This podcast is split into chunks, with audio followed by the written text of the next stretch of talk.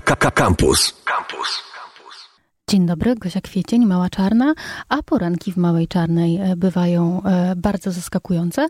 Na przykład wtedy, gdy będziemy rozmawiać z ekspertką do spraw e, odczytywania mowy ciała, rozpoznawania mikroekspresji i emocji, panią Natalią Hoffman. Witam serdecznie. Dzień dobry. A wszystko to zrobimy na odległość, więc będziemy starać się zrozumieć, nie widząc się, ale słysząc i zobaczymy, ile z tego słyszenia dobrego nam wyjdzie. Audycję realizuje Tomasz Paziewski, ja się nazywam Gosia Kwiecień i witam Was bardzo serdecznie. E, pani Natalio, e, guru, mistrz, u którego pani się szkoliła, Paul Ekman, napisał taką książkę, mm, w której zadaje pytanie, co ludzie chcą przed tobą zataić, e, dowiedz się, odkryj, co ludzie chcą przed tobą zataić i dowiedz się czegoś więcej o sobie. Czy to, w jaki sposób ktoś nam kłamie, może coś nam powiedzieć o nas samych?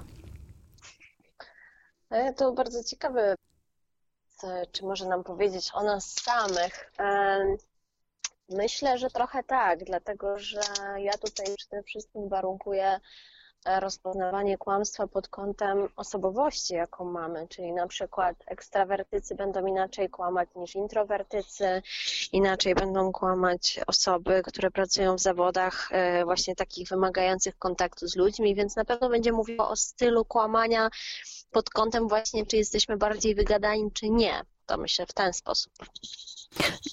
Pani, z Pani usług, z Pani wiedzy i z Pani umiejętności korzystają służby państwowe, korzystają e, prywatne firmy. E, bo chcą się dowiedzieć jak najwięcej o kłamstwie. Czy te szkolenia, które e, pani prowadzi, lub ta wiedza, e, którą chcą zdobyć, służy temu, żeby odróżnić kłamstwo od prawdy, czy żeby nauczyć się lepiej kłamać? Nie, nie, e, lepiej kłamać to nie. E, to znaczy, może tak powiem, to zależy, tak, bo tutaj różne bywają sytuacje, e, zwłaszcza jeśli chodzi o służby. Natomiast przede wszystkim to, czego się uczymy na przykład w firmach prywatnych, to jest wykrywanie kłamstwa, tak, w tych momentach, kiedy gdzieś właśnie mamy na przykład działy jakiejś weryfikacji wewnętrznej, tak zwaną wewnętrzną policję w firmie, czy mamy dział windykacji, tak, czy mm, kradzieży tożsamości w bankach, także przede wszystkim wykrywanie kłamstwa. Wykrywamy kłamstwo. Czy my często kłamiemy? My jako ludzie, nie my jako pracownicy, tylko my jako ludzie, tak na co dzień. Mhm.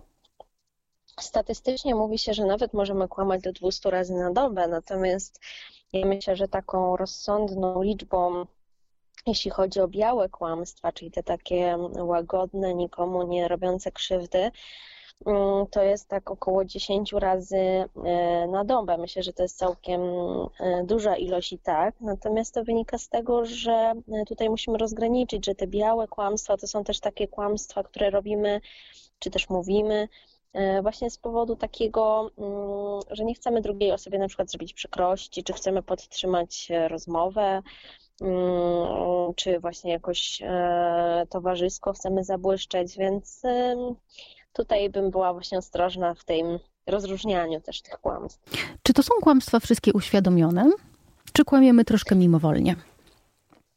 To znaczy, e, mm, jeśli nie jesteśmy patologicznym kłamcą, e, to to, że kłamiemy, jest świadome. Nawet taka jest definicja kłamstwa zbudowana przez Paula Ekmana, Mm, że kłamstwo to świadome, intencjonalne wprowadzenie rozmówcy w błąd.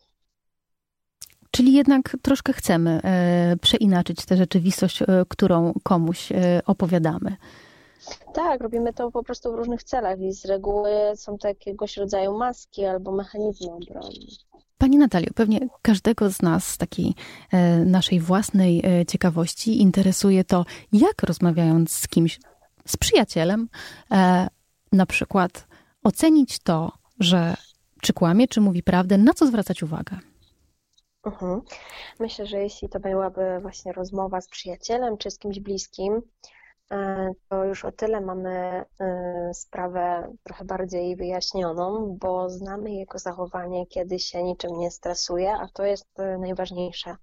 jeśli chodzi o wykrywanie kłamstwa, bo samo wykrywanie kłamstwa to jest tak jakby poszukiwanie zmiany w zachowaniu.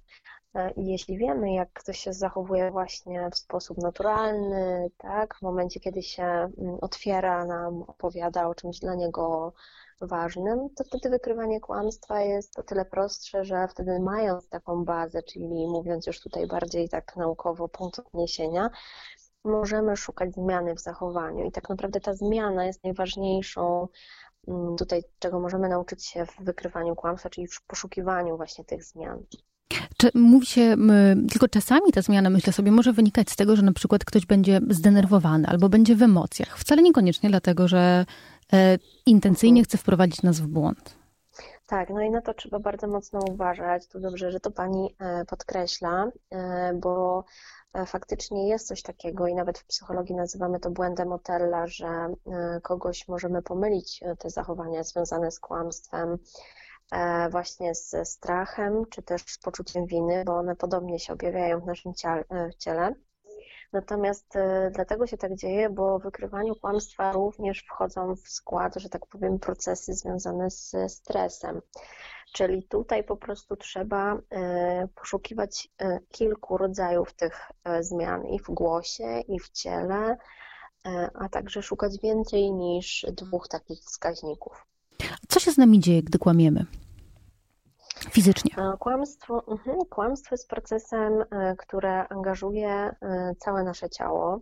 Kłamstwo jest procesem, w którym e, nasz autonomiczny układ nerwowy zaczyna działać, czyli krew zaczyna napływać nam aż do samych koniuszków uszu. Zaczynamy szybciej oddychać, czerwienimy się na przykład, tak? Czyli dzieją się z nami te wszystkie rzeczy, które się dzieją z nami również w trakcie, kiedy się stresujemy.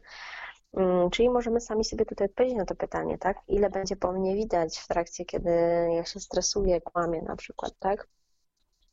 Czyli e, to są, to są te objawy, e, o których Pani mówi, są, są trochę podobne do sytuacji, w której na przykład rozmawiamy z kimś, kto nam się podoba. Mhm, tak, jak najbardziej. A nie chcemy tego do końca ujawnić. Czy, czy jesteśmy w stanie e, kontrolować to? Nie do końca. To znaczy, mm, mowa ciała jest uniwersalna na całym świecie e, i e, to, jak nasze ciało jest zbudowane i jak reaguje, to to są pewne mechanizmy nieświadome, których nie da się opanować, jak na przykład rozszerzanie źrenic e, czy mikromimikę na twarzy czyli e, tak zwane właśnie przecieki, które nam daje twarz o prawdziwych emocjach, tak? Czyli na przykład to, że prawdziwy uśmiech to jest wtedy, kiedy śmieją nam się także oczy, nie tylko usta. I te kurze łapki wokół oczu już są takim, e, takim znakiem, którego nie da się kontrolować, tak? E, więc jest wiele rzeczy takich w ciele, którymi zapanować się nie da. Czyli po kurzych łapkach poznać szczerego człowieka. Trochę tak. Nie powinniśmy się ich wstydzić.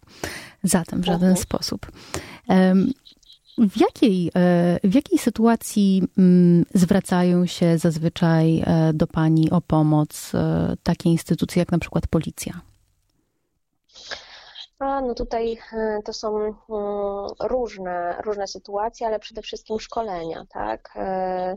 Najczęściej e, chodzi o to, żeby właśnie wyszkolić e, właśnie z dziedziny prawidłowego e, mm, prowadzenia przesłuchań pod kątem psychologii, czyli tego, mm, tych psychologicznych aspektów właśnie związanych między innymi z wykrywaniem kłamstwa, z tym jak reagujemy w trakcie rozmowy, jak zadawać odpowiednie pytania, jak otwierać rozmówcę i tak dalej. Czyli jakby przede wszystkim e, tutaj e, to są szkolenia.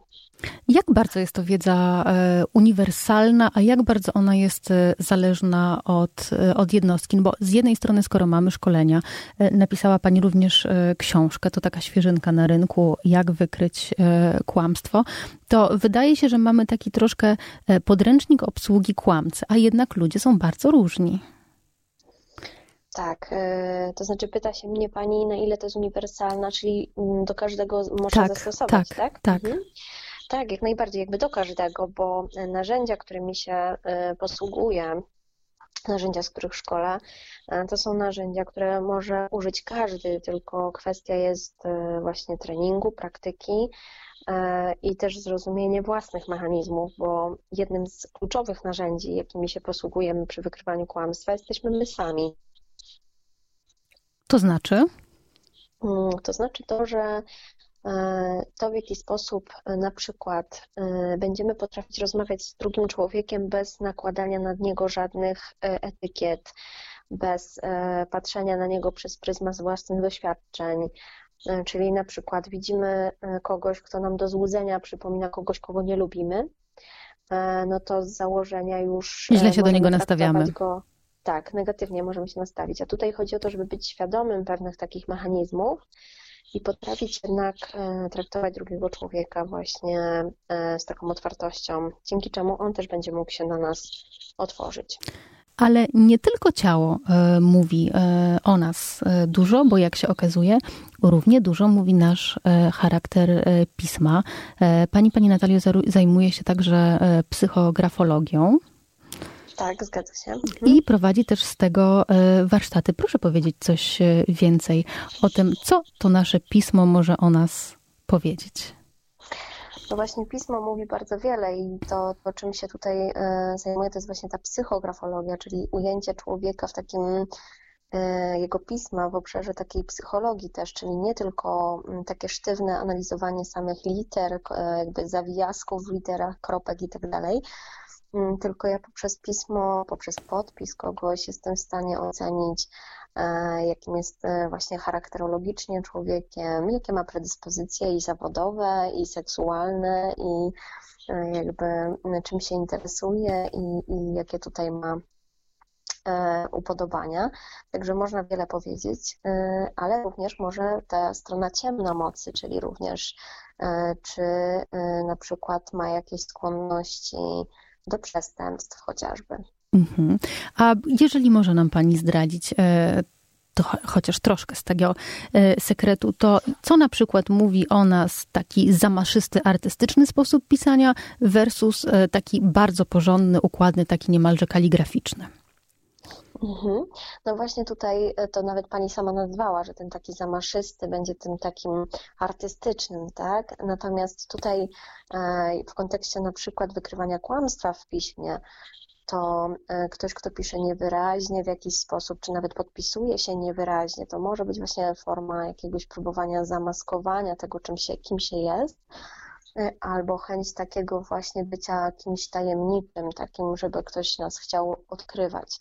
Natomiast znowu mm, pismo, czy też sam podpis, który będzie bardzo jasny, czytelny, przejrzysty, to też może świadczyć o dużej otwartości, szczerości, ale też i naiwności.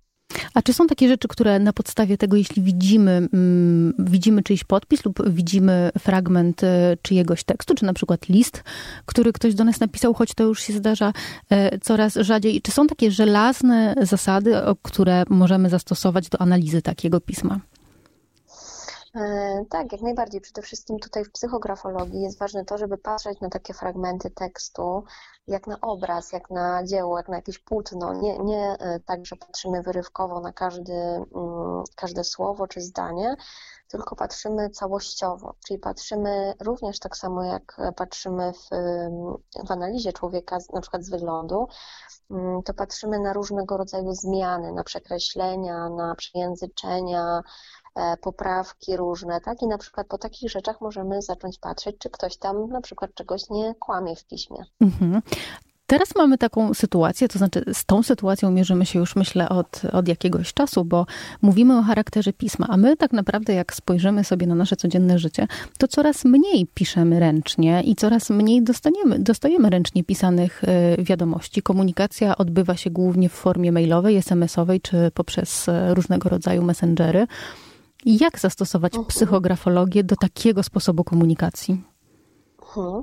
To znaczy, ja tutaj, jeśli analizuję takie pismo, to to są faktycznie pisane rzeczy e, przede wszystkim na przykład pod kątem rekrutacji odręcznie. Mhm. Natomiast jeśli już y, mówimy właśnie o takiej komunikacji messengerowej czy mailowej, to też da się to zauważyć.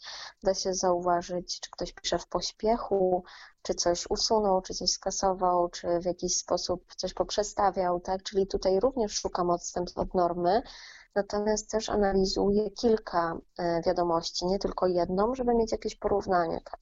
I wtedy szukam właśnie różnic. Czy ludzie, bo rozumiem, że proces wygląda tak, jest, firma wynajmuje panią na przykład do analizy pracownika, którego zamierza mm, zatrudnić. Czy ten mhm. pracownik wie, z kim ma do czynienia? Najczęściej nie. E, najczęściej nie e, i to chyba daje większą przewagę wtedy mnie, e, dzięki czemu mogę po prostu swobodnie taką rozmowę przeprowadzić.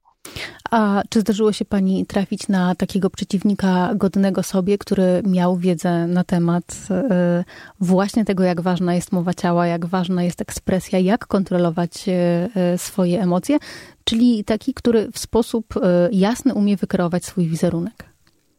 Tak, niejednokrotnie. E, jakby e, i tutaj i w takich, e, że tak powiem, moich prywatnych sytuacjach mi się zdarzyło takie osoby poznać, gdzie tam jeszcze w czasach studenckich praktykowałam właśnie na przykład mowę ciała pod kątem chociażby właśnie takiego uwodzenia i relacji damsko-męskich i to też fajnie widać wtedy, czy ktoś zna się na takich technikach, czy nie. Natomiast w życiu e, zawodowym często już nawet po uścisku dłoni można widzieć, e, że ktoś zna techniki, potrafi e, uściskiem dłoni pokazać dominację mm, i potrafi pokazać, że, że wie coś więcej na temat technik właśnie. A czy, zdarza się, a czy zdarza się, że to jest takie naturalne i intuicyjne, że to nie jest osoba wykształcona w tym kierunku, tylko po prostu tak ma? Tak, oczywiście, tylko wtedy widać, że nie skupia się na tym, że, nie, że jej gesty są naturalne i spontaniczne, a nie są przygotowane i e, sztucznie długo utrzymywane, jak na przykład gest wieży, który często się pojawia. Jaki gest? Gest wieży. A co to jest gest wieży? E, to, są, to jest taki bardzo często widoczny gest stosowany także przez polityków. To są dwie e, nasze dłonie złożone palcami, jakby palce się stykają i tworzymy z dwóch dłoni właśnie gest takiej wieżyczki. Mhm. I co ona oznacza? To jest właśnie gest sztuczny, sztucznie wykreowany. To nie jest gest naturalny, wynikający z naszej mowy ciała i on oznacza, ma oznaczać, jest tak kreowany jako gest pewności siebie i takiej samokontroli. Pani Natalio, pani jest profilerką. My ten termin, e, podejrzewam, większość z nas e, zna głównie z amerykańskich seriali e, kryminalnych. A jak to wygląda naprawdę? Czym się profiler zajmuje? Jak wygląda jego praca? Tak, z zagranicznych albo też na przykład z powieści Katarzyny Bondy, bo to też istnieje To prawda, taka w, na rodzimym rynku. Mhm. Tak. No właśnie, Sasza Załuska, to znaczy... na ile ona jest prawdziwa? Dla no, tych, którzy Bondę czytali. Mhm. E, myślę, że jest w jakiś sposób prawdziwa, tylko już niestety nie mogłaby istnieć w naszym realnym świecie, dlatego że profilerzy tacy cywilni już niestety nie są zatrudniani w policji, musieliby być po prostu funkcjonariuszami. E, I ja też tutaj będę chciała to jakoś rozdzielić, dlatego że ja nie będę tutaj mm, do końca takim obrazem takiej Saszy, dlatego że ja nie jestem profilerką e, właśnie taką kryminalną, tylko jestem profilerką behawioralną. I to są już będą dwie różne rzeczy. Jestem przede wszystkim psychologiem. I e, to, co robię, to profilowanie, to jest po prostu budowanie obrazu człowieka, e, tworzenie jego obrazu, tworzenie jego portretu na podstawie wszystkich mi dostępnych informacji na jego temat oraz bez tych informacji, czyli na przykład potrafię powiedzieć e, o kimś sporo całkiem, widząc tylko jego zdjęcie na zasadzie analizy tego człowieka z wyglądu i to już bardzo dużo rzeczy mówi, czy chociażby samego podpisu. Czyli profilowanie to jest przede wszystkim właśnie określanie mm, drugiego człowieka na podstawie właśnie różnych e, dostępnych, no i tych właśnie mniej znanych informacji. Ale rozmawiałyśmy o tym, że mm, mimo iż nie jest pani profilerem kryminalnym, to z pani usług korzysta policja i inne służby państwowe. Tak, tak, zgadza się. Natomiast y, tutaj, no mówię, są y, różne obszary y, takiej, takiej współpracy. I tutaj, no, przede wszystkim to, to, co mogę dać, to jest właśnie, to jest właśnie profilowanie, to jest właśnie to, o czym mówię, czyli na przykład e, mam jakiegoś człowieka, tak, e, widzę jak wygląda, widzę jak się zachowuje, nie muszę nawet z nim rozmawiać, już jestem w stanie określić, e, czy na przykład jest liderem jakiejś grupy, czy też nie, jakie ma kontakty z innymi osobami, czy je zna, czy ich nie zna, czy widzi je pierwszy raz, czy też nie, jakie ma zamiary, czy jego zachowanie mówi o potencjalnie groźnych zachowaniach, czy zwykłych zachowaniach, co zamierza zrobić, na przykład, tak? Czyli nawet z samej takiej obserwacji mm, jestem w stanie bardzo wiele powiedzieć y, bez, y, bez konieczności rozmowy na przykład. Jest Pani taką prawdziwą tajną bronią. Trochę tak. Psychologiczną. A co odróżnia, e, czym różni się mm, profiler behawioralny od kryminalnego? No właśnie, profiler behawioralny e, to jest ktoś, kto potrafi czytać zachowania, mikroekspresję, mikromimikę, wykrywać kłamstwo, analizuje zachowania, ale to jest też e, nie tylko to, jak ktoś mówi, jak ktoś pisze, jak ktoś wygląda, jakby potrafi skleić wszystkie rzeczy dostępne e, na temat danego człowieka i powiedzieć o nim bardzo wiele, też od strony psychologicznej, jego osobowości, słabych stron, mocnych stron i tak dalej. Mm, Czyli jest Natomiast... Pani w stanie zbudować portret psychologiczny przestępcy? Dokładnie tak, e, również. Natomiast profiler taki kryminalny stricte najczęściej zajmuje się e, poszukiwaniem sprawców nieznanych, czyli e, przestępstw, tak? Czyli na przykład jest takich kilka profilerów w Polsce, którzy po prostu na przykład jeżdżą na miejsce zdarzenia i na podstawie tylko i wyłącznie tego miejsca zdarzenia śladów, śladów tak na przykład są w stanie e, e, wytworzyć profil mm, przestępcy i tutaj jakby rozróżnienie polega na tym, że oni pracują tylko na materiałach właśnie takich dotyczących spraw kryminalnych, a ja pracuję i e, ze zwykłymi sprawami również, czyli takimi właśnie mm, dotyczącymi chociażby właśnie profilowania mm, w trakcie rekrutacji czy w trakcie współpracy z innymi e, firmami. Czy też, Obyczajowymi. Tak. A czy, zdarza się, a czy zdarza się, że e, z Pani usług chciałyby skorzystać osoby, które chciałyby potwierdzić lub wykluczyć na przykład niewierność swojego małżonka? Tak, tak, zdarza się to i tu właśnie to są już takie współprace, które podejmuję z, między innymi z detektywami. Zdarzało mi się już kilkakrotnie uczestniczyć w tego typu właśnie sytuacjach, gdzie y, moja praca naj, y, najbardziej polega również na obserwacji i na analizie takich zachowań. Tutaj łączy się nam to bezpośrednio z tym, o czym rozmawiałyśmy e, przed chwilą, to znaczy z psychografologią, jeżeli chodzi o, o to psychologiczne wykrywanie e, sprawcy, bo wspomniała Pani, że będzie prowadzić warsztaty z tego, jak, jak poprzez pismo można rozpoznać mordercę, czy też na przykład e, gwałciciela. To takie, takie ciężkie mm, tematy. Ale rozumiem, że są te charakterystyczne elementy, które pozwalają wyłapać takie predyspozycje mówiąc tak, dyplomatycznie. Tak, tak. Prowadzę teraz właśnie w, w czasie e, tego naszego właśnie świata online e, webinary aktualnie. I 4 listopada właśnie będzie webinar dotyczący tego właśnie, jak e, poprzez pismo wykryć przestępcę. No i tutaj długo by opowiadać, dlatego że tutaj już będziemy trochę się zagłębiać w tajniki grafologii, czyli będziemy już bazować na stricte na bardzo dużych szczegółach pisma, które możemy obserwować już w piśmie stricte tylko i wyłącznie ręcznym. Jak duży jest margines błędu? W piśmie czy w ogóle? W piśmie. No, w piśmie powiedzmy.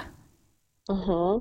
E, no tutaj trzeba po prostu pamiętać, że analizujemy wtedy bardzo, bardzo wiele różnych czynników, tak? Czyli e, analizujemy i wielkość liter, i podpis, i akapity. Także tutaj ten margines błędu bym powiedziała, że jest, ale on jest niewielki, jeśli ta ekspertyza jest przy, przygotowana, przeprowadzona dobrze.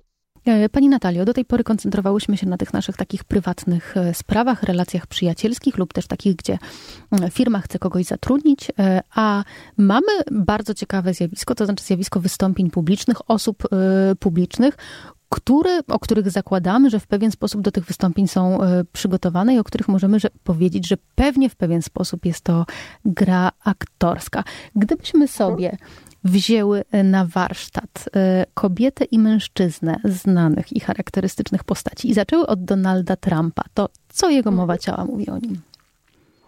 E, no właśnie, Donald Trump e, jest takim taką osobą, która jest bardzo często przeze mnie przytaczana, jeśli chodzi o, o szkolenia, jeśli chodzi właśnie o naukę uścisku dłoni. Ma niesamowicie silny i wyuczony uścisk dłoni, który ma za zadanie pokazywać jego siłę, dominację oraz to, że jego ma być na wierzchu, mówiąc tak kolokwialnie.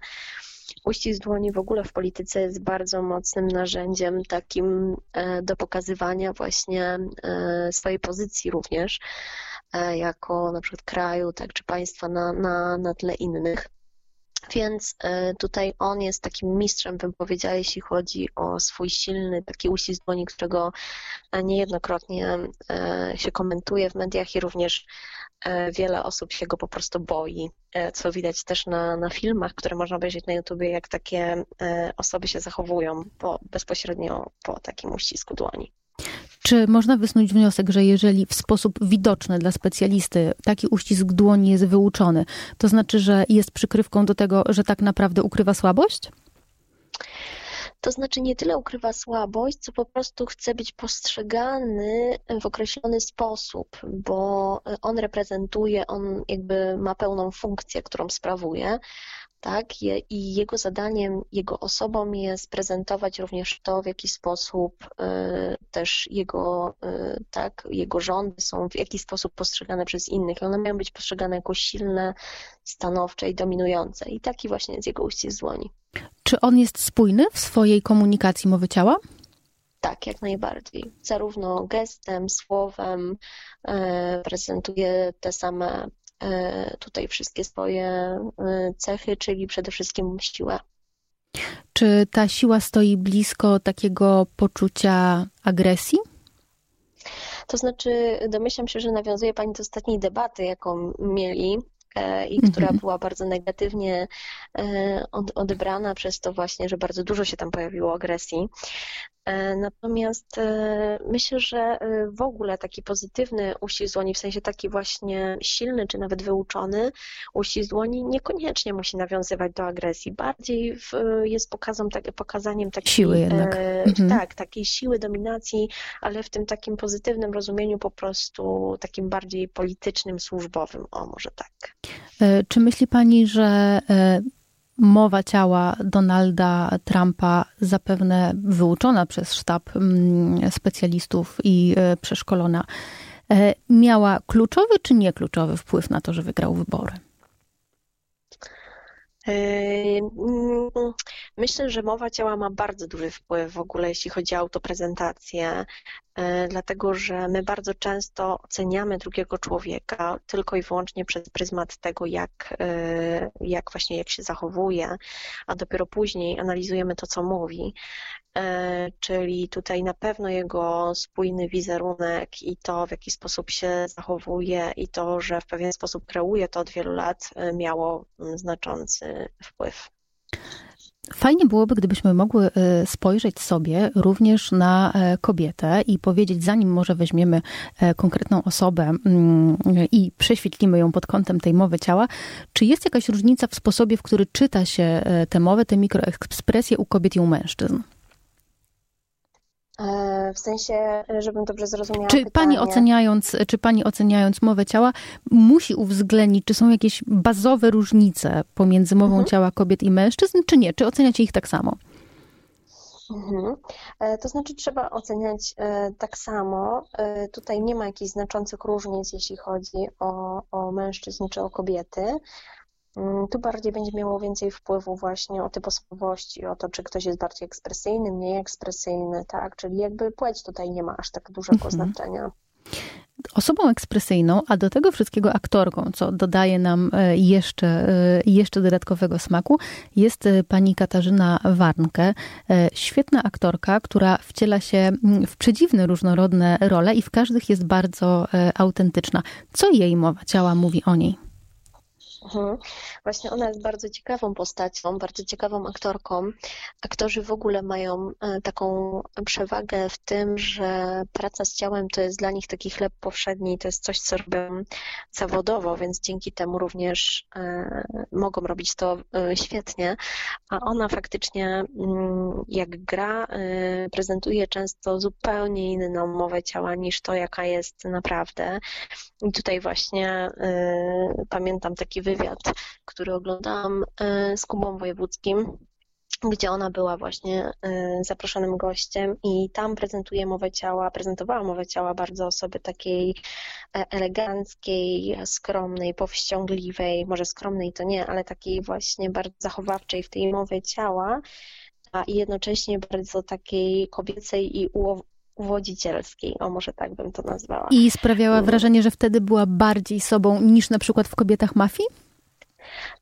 Ciężko mi jest to ocenić, y, czy to była bardziej sobą, bo myślę, że tutaj już widz musi podjąć decyzję, która ta y, jej wcielenie będzie mu się podobało i myślę, że na tym polega właśnie cała sztuka aktorska i aktorzy są również e, jednym z najtrudniej, najtrudniejszych właśnie do rozgryzienia również zawodów pod kątem wykrywania kłamstwa czy w ogóle analizy mowy ciała. Pani Natalio, korci mnie taki, takie mam przeczucie, że gdybyśmy byli w posiadaniu takiej wiedzy, jak ma Pani i takich umiejętności odczytywania intencji drugiego człowieka, to pewnie kusiłoby nas, by wykorzystać tę wiedzę w relacjach i związkach prywatnych, żeby na przykład sprawdzić, czy ten nasz partner, partnerka są uczciwi i jakie mają względem nas intencje, i czy związek jest poważny, da się to zrobić i czy powinno się to robić.